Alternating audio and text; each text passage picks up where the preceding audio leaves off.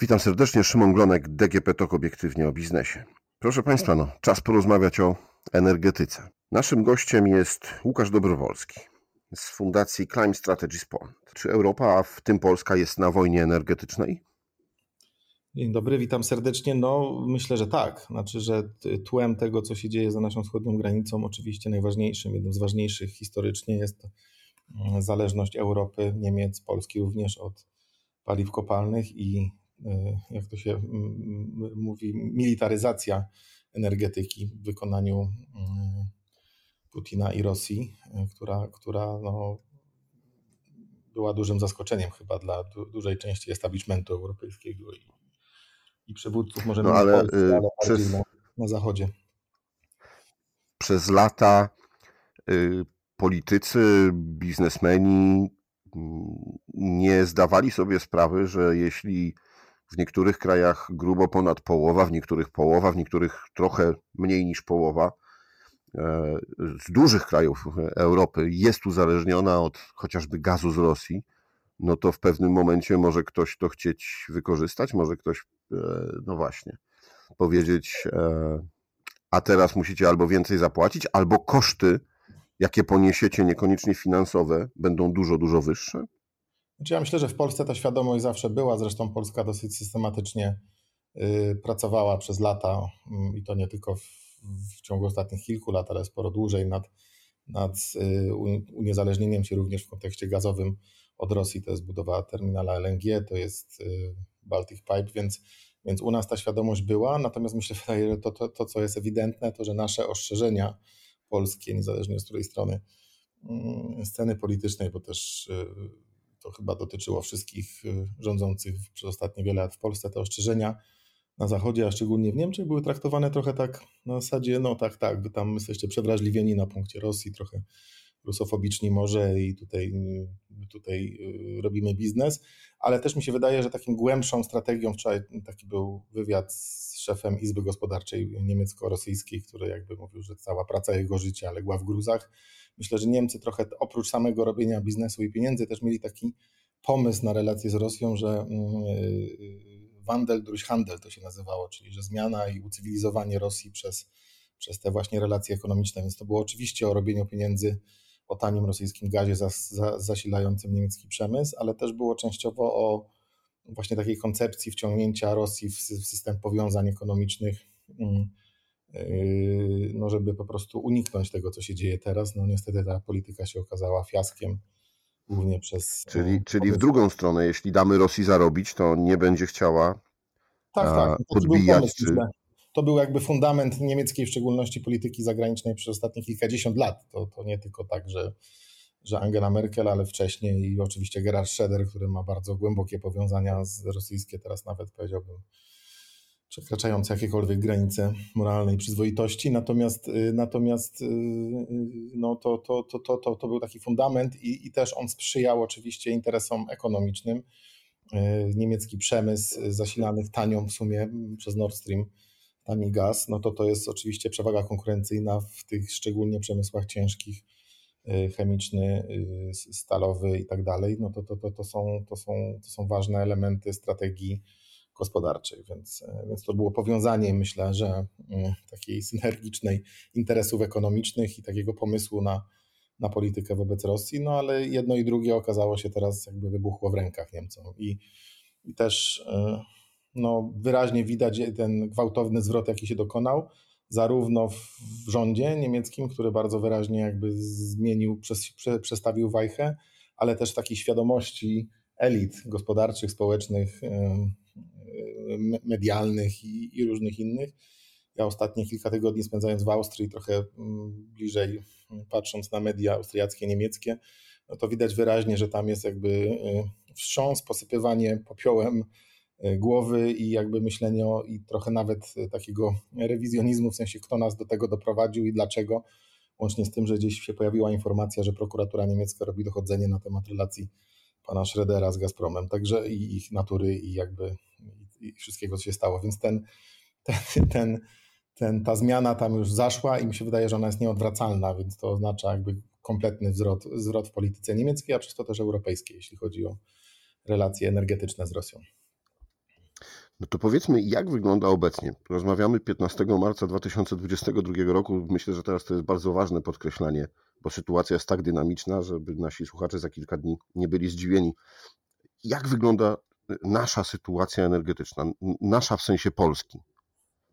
To znaczy, to znaczy mi się wydaje, że, że jak myślimy o implikacjach yy, wojny na, na systemy energetyczne i w Polsce i w Europie, ja nawet właśnie sytuacja jest dynamiczna i się szybko zmienia, ale tam jakieś niecałe dwa tygodnie temu, zaraz 3 marca mi się udało popełnić taką analizę i tak yy, zasugerować myślenie w trzech horyzontach. Mi się wydaje, że to, to, to podejście się sprawdza, że nie można mieszać jakby yy, tego, co w krótkim okresie, z czym mamy do czynienia w krótkim okresie, średnim i w dłuższym. W krótkim okresie oczywiście yy, wszyscy w Europie, Polska też, Niemcy również, jesteśmy, Włochy na przykład również z dużych gospodarek, z mniejszych Austria, Słowacja, jesteśmy mocno uzależnieni od gazu rosyjskiego płynącego rurociągami, ale też od ropy naftowej, na przykład rurociąg Przyjaźń, który zasila rafinerię w Płocku.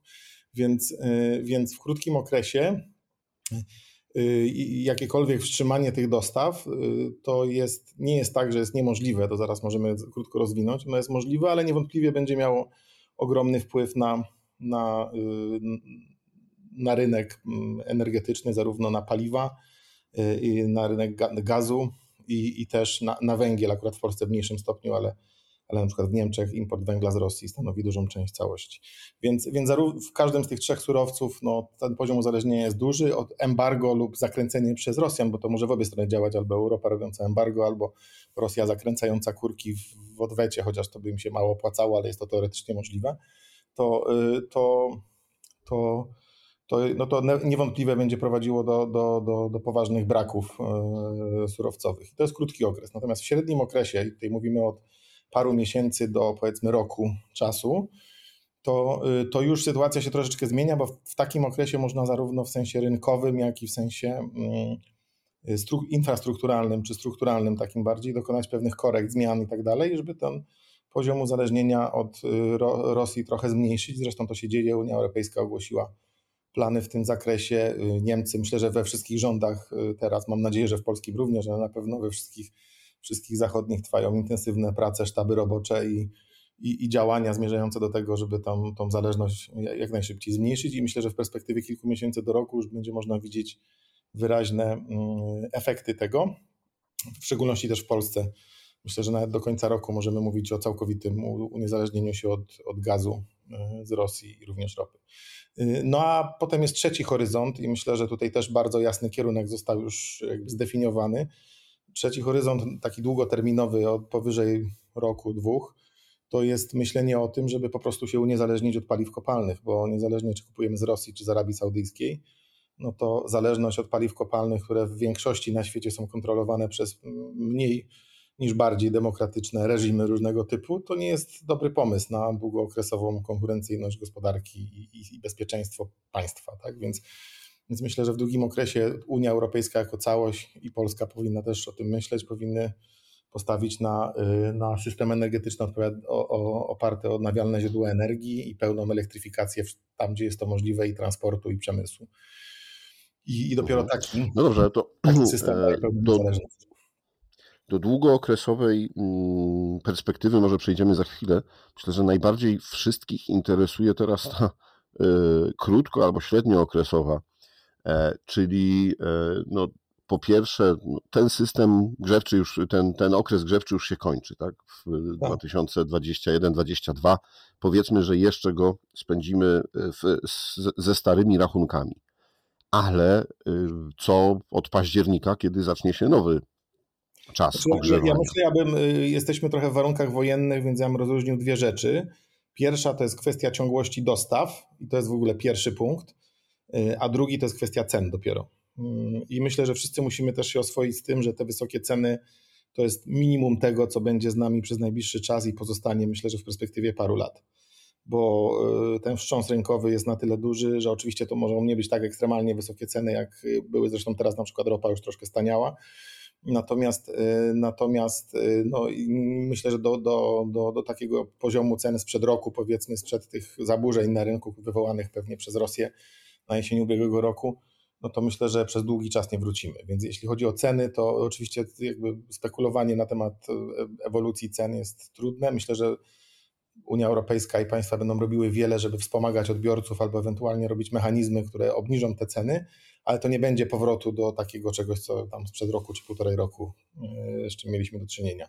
Natomiast myślę, że w tym krótkim okresie to bardziej jest kwestia taka, czy my możemy sobie pozwolić na embargo wobec Rosji, ponieważ embargo surowcowe byłoby bardzo skutecznym elementem nacisku na reżim e, rosyjski w celu e, jakby no, doprowadzenia do końca tego rozlewu krwi, który się dzieje i myślę, że wiele osób teraz myśli o tym, zastanawia się, jak, czy to jest w ogóle technicznie możliwe e, w sensie zapewnienia ciągłości dostaw i, i, i, i czy powinniśmy to robić.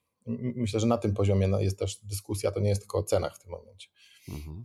No dobrze, to na ile jesteśmy zabezpieczeni?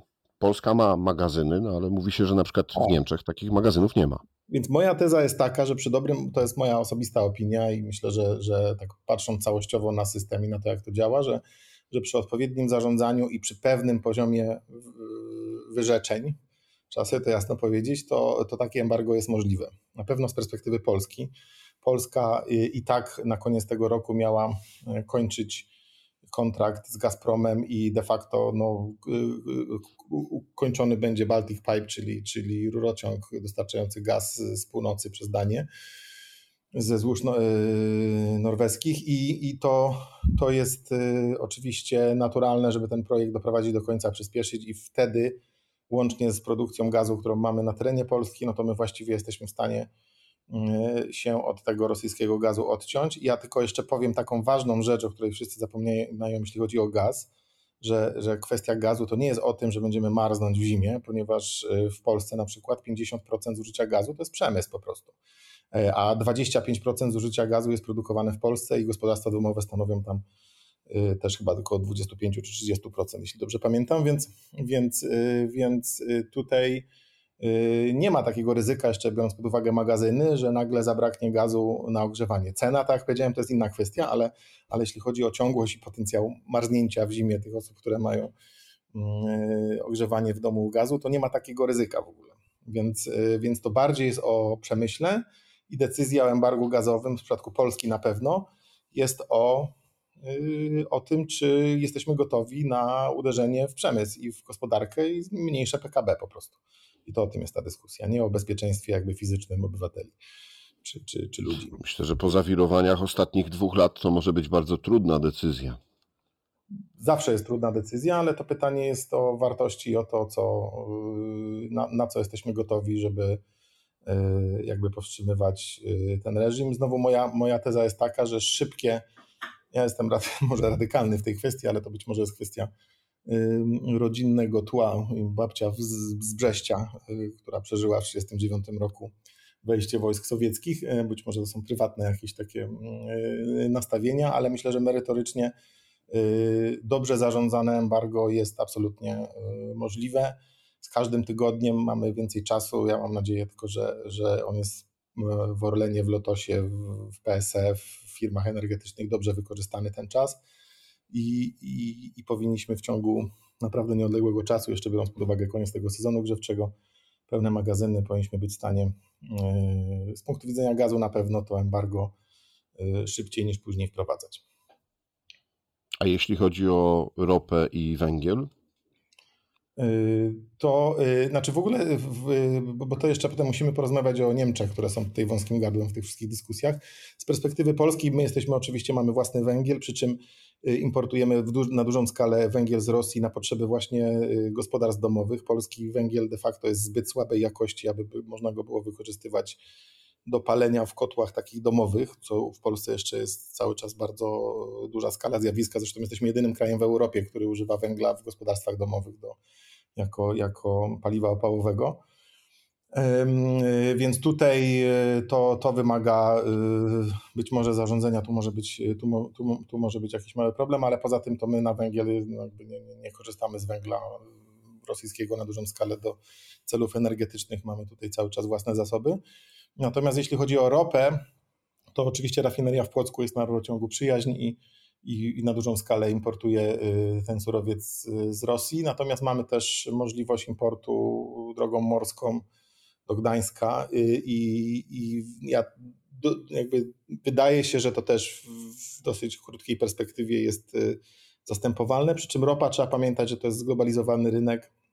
Tutaj wszyscy teraz konkurują o te dostawy, które są dostępne i tutaj dużo zależy od tego, na ile presja Amerykanów na zwiększenie y, eksportu ropy w krajach OPEC i własny eksport amerykański y, i OPEC, y, czyli Arabia Saudyjska przede wszystkim, być może Iran. Tutaj dużo zależy od globalnej podaży jeśli chodzi o możliwość zabezpieczenia tych dostaw i też ceny, po jakich to będzie możliwe. Natomiast technicznie obie polskie rafinerie, i Gdańska i Płocka, są częściowo już przygotowane do korzystania z innej ropy niż rosyjska i mogą być jeszcze szybciej w pełni dostosowane. Więc też w jakimś nieodległym horyzoncie czasowym to jest możliwe. No oczywiście w najgorszym scenariuszu nas czeka jakaś okresowa, częściowa reglamentacja paliw, nie wiem, kartki na paliwa ja jeszcze pamiętam, więc e, myślę, że to perspektywy gospodarki wojennej nie jest, y, nie jest coś, co powinniśmy jakoś y, uważać jako koniec świata tak naprawdę. No dobrze, to my sobie jakoś jesteśmy w stanie poradzić. A właśnie, no Niemcy, które są największą gospodarką europejską, i to pewnie od nich będzie zależało ewentualne wprowadzenie takich sankcji. No tak, całe szczęście, że wojna wybucha przed y, uruchomieniem Nord Stream 2. To jest szczęście w nieszczęściu oczywiście no bo y, już sam Nord Stream 1 spowodował bardzo duże uzależnienie Niemiec od gazu rosyjskiego, pogłębione jeszcze faktem, że Niemcy nie wybudowały terminali LNG, które są y, kluczowe, y, żeby, żeby drogą morską importować gaz. Nie mają możliwości, tak, Polska ma przepięcia, zwiększenia dostaw z tego kierunku w krótkim okresie co zresztą spowodowało, że natychmiast po wybuchu tej wojny, dosłownie w pierwszy weekend, Niemcy ogłosiły jako jeden z tam natychmiastowych reakcji plan Y, szybkiego, szybkiej budowy tych dwóch terminali LNG, które zresztą tam były planowane. Niemcy też nie mają magazynów. Y, y, znaczy mają magazyny, mają magazyny, to tam tylko parę magazynów jest sprzedane do, do Gazpromu, to nie wszystkie oczywiście, no ale też one są na terytorium Niemiec, więc myślę, że tam teraz jest planowana legislacja, żeby wymusić Y, napełnianie tych magazynów przed sezonem grzewczym, no i na pewno tam będą sankcje, że jeśli ktoś tego tam nie zrobi, to, to oczywiście będą, będzie to jakoś pewnie y, administracyjne wymuszane, więc to, to, to akurat z tymi magazynami to nie jest problem. Tam bardziej chodziło o to, że był brak jakby kontroli nad, y, nad i zarządzania tymi magazynami. Pozostawiono to rynkowi, no i oczywiście tam Rosjanie to wykorzystali, opróżniając te magazyny odpowiednio ale, ale to, to jest ten drugi element niemieckiej polityki gazowej, czyli większa kontrola i zapełnianie magazynów, LNG. No ale jednak ta skala, ilość tego gazu, który tam płynie, tam zresztą też dużo większy udział jest gospodarstw domowych, bo oni nie, nie, nie palą węglem w domach, tylko palą gazem w dużej części. Więc tam chyba zużycie gazu na, w gospodarstwach domowych jest około 40%. No i to, y, to oczywiście jest trudniejsze, ale już się pojawiają inicjatywy i kampanie, że zrób 18 stopni w domu zamiast 22. Więc w Niemczech embargo pewnie by oznaczało, że, że mocne uderzenie w przemysł, mocne, bo przemysł y, chemiczny, y, BASF i tak dalej, to są wszystko firmy o ogromnym, o ogromnym zużyciu gazu, więc embargo tam na pewno jest dużo, dużo trudniejsze ze względu na skalę zużycia w przemyśle, ale też to, że te gospodarstwa domowe mają większy udział i że nie ma łatwo, mm, łatwych alternatyw dla gazu. Dlatego ta taka niemiecka, u, na, u nas trochę nielubiana, myślę, że częściowo słusznie, no, taka konserwatywne podejście do, do, do, do w ogóle sankcji energetycznych na Rosję. Bo tam jednak ten poziom uzależnienia i pole manewru jest dużo mniejsze. Czyli perspektywa polska to jest powiedzmy uniezależnienie się od gazu do końca tego roku, a perspektywa mhm. niemiecka tak realnie? No wie pan, to jest trudno powiedzieć, to jest naprawdę trudno powiedzieć, ale myślę, że to jest bardziej, mm, znaczy tam w, ramach y, w ramach Unii Europejskiej jako całości, ten taki ambitny plan ogłoszony chyba w tym tygodniu przez, przez Komisję to jest dwie trzecie gazu do końca roku, ale oczywiście dwie trzecie w skali Unii, biorąc pod uwagę, że Polska może być w całości, no to pewnie nie oznacza dwóch trzecich w Niemczech. Więc ja myślę, że to jest bardziej y, kwestia paru lat y, tak naprawdę. No i, i, i tutaj y, też oczywiście jest element, jak duże uderzenie w PKB i jak daleko idącą kontrolę, na przykład reglamentację tych paliw jesteśmy sobie w stanie wyobrazić. I myślę, że o ile u nas to poczucie mm, sytuacji wojennej jest bardzo wysokie, to jak się przesuwamy na zachód, im dalej się przesuwamy, no to tym dalej od linii frontu wszyscy są i tym, tym to podejście trochę business as usual może mieć więcej e, fanów i jaka taka tendencja, żeby świadomie uderzyć w gospodarkę jest e, pewnie mniejsza niż może być u nas, prawda? Więc, więc, więc to jest e, nie, nie tylko o technicznych możliwościach, ale też o, o, o, o zgodzie na, na akceptację po prostu uderzenia w PKB. Wie pan, to, to, to, to czasami jest y, traktowane jako taki mm, najważniejszy cel, że musimy mieć wzrost i nie możemy sobie pozwolić na, na, na, na kryzys gospodarczy, ale na koniec dnia, jeśli mówimy, nie wiem, jakoś dramatycznie sobie wyobrażając efekt gospodarczy, jeśli to by było 10% PKB na przykład, mm, co moim zdaniem jest bardzo mało prawdopodobne, żeby aż takie uderzenie w, PKB było ze względu na embargo surowcowe, no to 10% PKB to jest jakieś 5-6 lat rozwoju gospodarczego, czyli cofnięcie się o 5-6 lat. Więc y, tak filozoficznie można zadać pytanie, czy jesteśmy gotowi wrócić do poziomu życia sprzed 5-6 lat. W Polsce to nawet pewnie 3-4 lata, y, w imię tego, żeby bronić naszych wartości i, i, i, i spraw fundamentalnych. Własnego bezpieczeństwa. I bezpieczeństwa też, tak, w dłuższym okresie właśnie.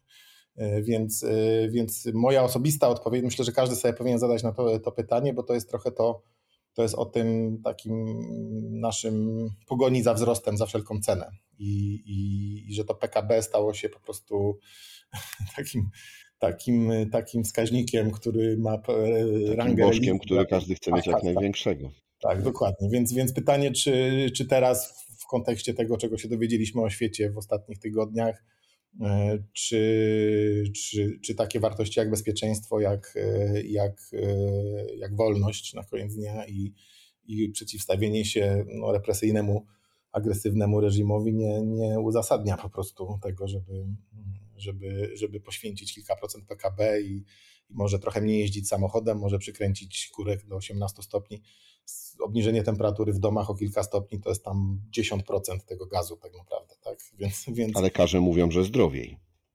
No to, to jeszcze już nie, nie wchodzę, tak? Ale, ale, ale tak naprawdę to, to jest bardzo teraz wszystko o mniej o technicznych możliwościach i mniej o rynku energetycznym, a bardziej o decyzjach takich, to nie są nawet polityczne, ale takich bardziej społeczno-politycznych na temat tego, y, jakie są nasze priorytety na koniec.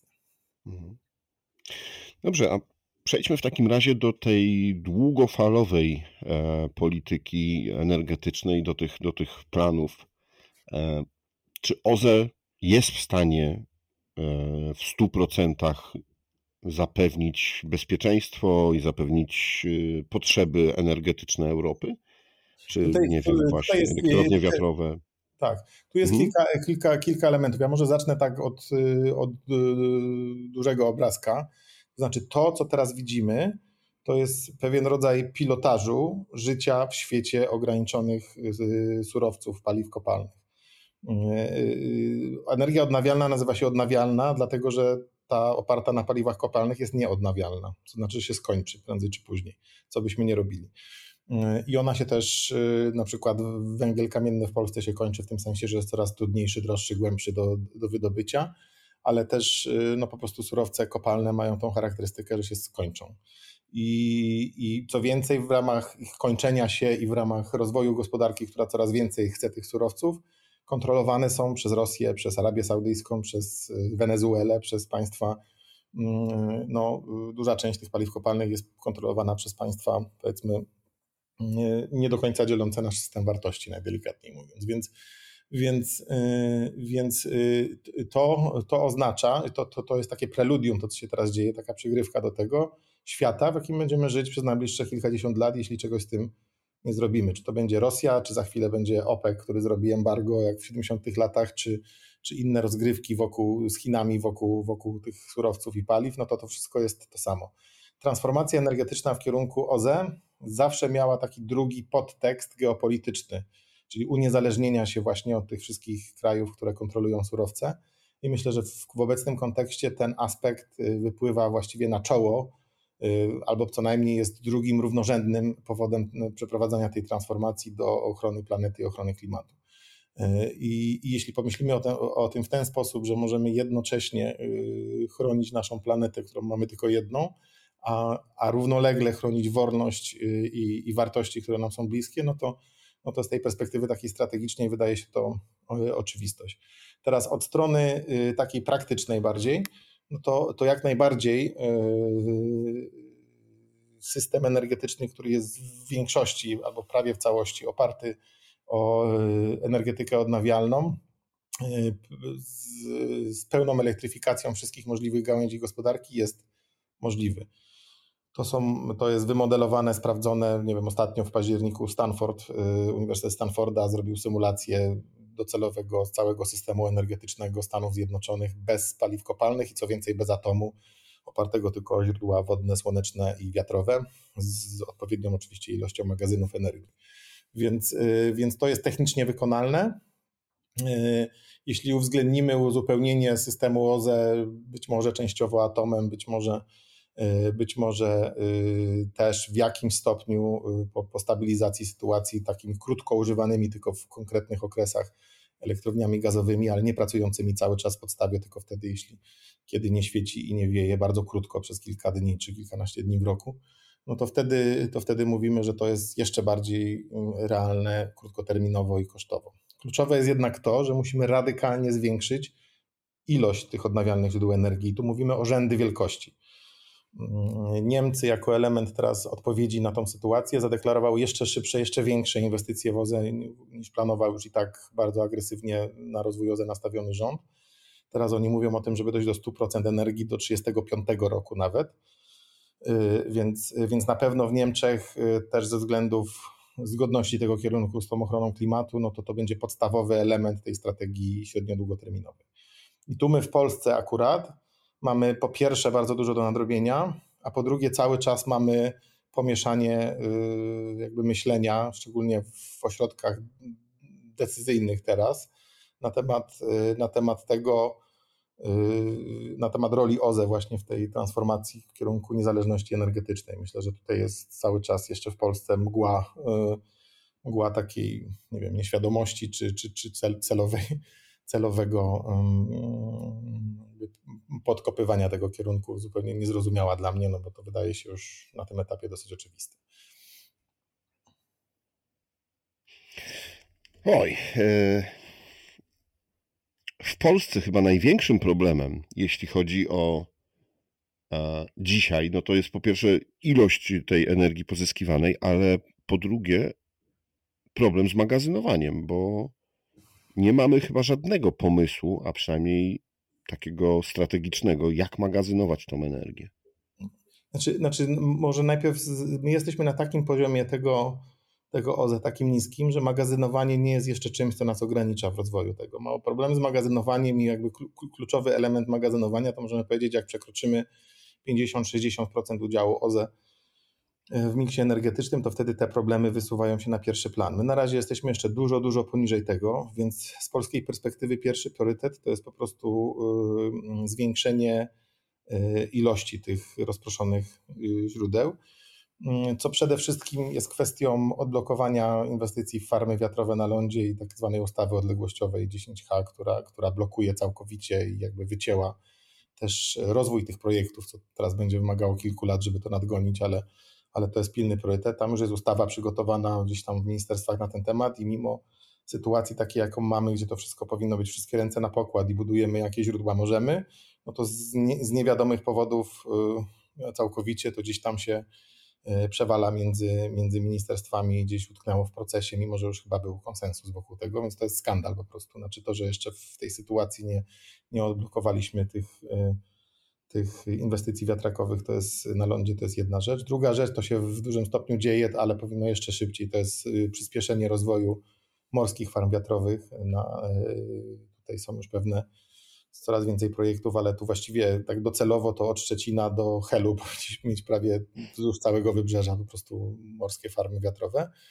I trzeci element to jest rozwój fotowoltaiki, który też akurat tak się składa, że w tym krytycznym momencie teraz właśnie w ostatnich tygodniach rozwój tej fotowoltaiki prosumenckiej został skutecznie zastopowany, więc my trochę, hmm, jakby powiedzieć, y, no nie do końca jeszcze zaadoptowaliśmy taki, tako, takie poczucie wszystkie ręce na, na pokład i bardzo dużo nadużywany jest ten argument zmienności źródeł w debacie, ponieważ w krótkim okresie, tak jak mówię, to, to, to, to jeszcze nie jest ten moment, kiedy to jest problemem.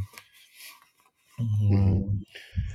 No dobrze, czyli zakładając, że w miarę optymistycznie szybko odblokujemy e, możliwość budowania farm e, wiatrowych, czy na lądzie, czy na wodzie, e, i w jakikolwiek sposób e, poradzimy sobie z fotowoltaiką, E, no to jaki to jest czas dla Polski i na budowę i na włączenie tego do systemu energetycznego całego znaczy, kraju? To jest właśnie główna zaleta OZE w porównaniu na przykład do takich inwestycji, bo na przykład elektrownia atomowa, ja jestem dosyć neutralny, jeśli chodzi o tą atomową energetykę, ona ma bardzo wysokie koszty, ale to teraz pewnie w obecnym okresie jest mniej istotne, teraz na czoło się wysuną pewnie pewne kwestie bezpieczeństwa, o tym też możemy za chwilę porozmawiać, natomiast, natomiast Natomiast y, horyzont inwestycyjny, nawet jakbyśmy tutaj szybko mm, biegli do przodu, oczywiście to się nie wydarzy do tam początku lat 30., tak jak tam są jakieś szumne zapowiedzi, im bardziej mówimy o koniec lat 30., 2040. Natomiast w porównaniu do tego cykl inwestycyjny OZE to, są, to jest 2-3 4 lata tak naprawdę, w zależności czy fotowoltaika nawet 2 lata pewnie, a wiatr może 3, 3 4, 5. Więc, więc my możemy tak naprawdę dając mocno, to jest jedna rzecz. Druga rzecz jest taka, że to nie wymaga scentralizowanego zarządzania przez państwowe molochy, tylko jakby uruchomienia szerokiej przedsiębiorczości i prywatnego kapitału. Jest nieograniczony dostępny kapitał na inwestycje w OZE więc to naprawdę no, poruszając tą dźwignię możemy bardzo szybko mieć efekty w ciągu paru lat, po prostu możemy mieć radykalny wzrost tych, y, tych mocy. Y, I więc to są, to są wszystko aspekty, które powodują, moim zdaniem jest tak, że czy się to komuś podoba, czy nie, to jest jedyna realna ścieżka y, szybkiego uniezależnienia się od, od paliw kopalnych w ogóle. To jest postawienie na, na, na OZE w modelu takim, że prywatni inwestorzy budują budują moce mm, w dużej ilości rozproszonych projektów. Właśnie jeszcze chciałem wrócić na chwilę, bo też ten, oby... aspekt, y, ten aspekt bezpieczeństwa, jeszcze tylko ostatni, ponieważ ostatni taki wątek, ponieważ jesteśmy w warunkach wojennych. Jak pisałem ten artykuł 3 y, marca, to jeszcze nic się tam nie działo na Ukrainie wokół elektrowni atomowych, ale właśnie miałem taki, taką myśl, że jeśli tam coś się wydarzy, to, to będzie taki taki przypomina, przypominajka do tego, że jednak scentralizowane na przykład elektrownie atomowe to jest pewna kwestia y, bezpieczeństwa w warunkach niestabilności geopolitycznej, jakiejś tutaj e, akcji. Mm, wie pan, ja mieszkam w Trójmieście i, i Choczewo, które zostało wybrane na lokalizację polskiej elektrowni atomowej, chyba jest jakieś 5 do 7 minut lotu Iskandera z Kaliningradu. Więc, yy, więc jak, o tym, jak myślimy o bezpieczeństwie takim fizycznym, to rozproszone instalacje fotowoltaiczne i wiatrowe, których jest dużo na rozległym terytorium i każda jedna w sobie jest nie, niedecydująca dla całego systemu energetycznego, tak jak Bełchatów czy potencjalna elektrownia atomowa, no to z punktu widzenia bezpieczeństwa energetycznego to jest dużo bezpieczniejsze. W nowoczesnym rozumieniu bezpieczeństwo energetyczne to jest dużo małych, rozproszonych źródeł i brak możliwości w warunkach jakichś terrorystycznych czy wojennych yy, zaatakowania infrastruktury punktowo i wyłączenia nam całego systemu energetycznego. Więc to, to trzeba też teraz brać pod uwagę bardzo mocno. No to oby jedynym problemem nie okazało się to właśnie, że wszystkie te inwestycje nie będą państwowe i nie będą z tego mogli politycy i ich rodziny żyć. Ja, ja, tak daleko bym tego nie posunął, ale to jest o, o, o, o takim próbie oligopolistycznego kontrolowania y, jakby branży energetycznej, a można kontrolować, państwo dalej może kontrolować bardzo dokładnie przez instrumenty regulacyjne, przez URE y, tą rozproszoną energetykę, więc to mniej jest o kontroli przez państwo jako państwo, a bardziej myślę, że o konkretnych firmach, które po prostu chcą przez tą transformację przejść w taki sposób, żeby dalej y, trzymać jakby większość tego rynku w garści. To jest na koniec dnia o tym. No dobrze. Dziękuję panu serdecznie za e, bardzo wyczerpujące i eksperckie podejście do tematu. Myślę, że nasi słuchacze no, będą trochę może spokojniejsi, e, jeśli chodzi o wiedzę, bo niekoniecznie o to, co się może wydarzyć, bo tego nikt nie jest w stanie obecnie przewidzieć. Ja, ja Państwa gościem apel, był a może taki apel na koniec, że jeśli ktoś naprawdę chce dołożyć swój kamyczek, to skręcić tą temperaturę w domu y, i może wybrać jednak komunikację publiczną zamiast samochód, pociąg zamiast samochodu, tam, tam gdzie to możliwe. To efektywność energetyczna i zmniejszanie zużycia to jest to, co każdy z nas też y, może robić, żeby się przyczynić. Proszę pamiętać, płacąc za rachunek, że tak była ta kampania z żarówkami, ile tam polityka klimatyczna, ta, ta, ta kłamliwa kampania, to że w naszym rachunku konkretne, konkretna część tych rachunków za, za energię i za paliwo w tym momencie idzie bezpośrednio do y, budżetu państwa rosyjskiego, więc y, warto o tym pamiętać. Chociażby z tego powodu warto oszczędzać. Tak jest, warto oszczędzać, bo się oszczędza złotówki, a jednocześnie, a jednocześnie się nie przekazuje ich na, na, na, na cele militarne na Ukrainie. Moim Państwa gościem był Łukasz Dobrowolski, Climate Strategies Poland. Dziękuję bardzo. Do usłyszenia. Dziękuję. Do usłyszenia.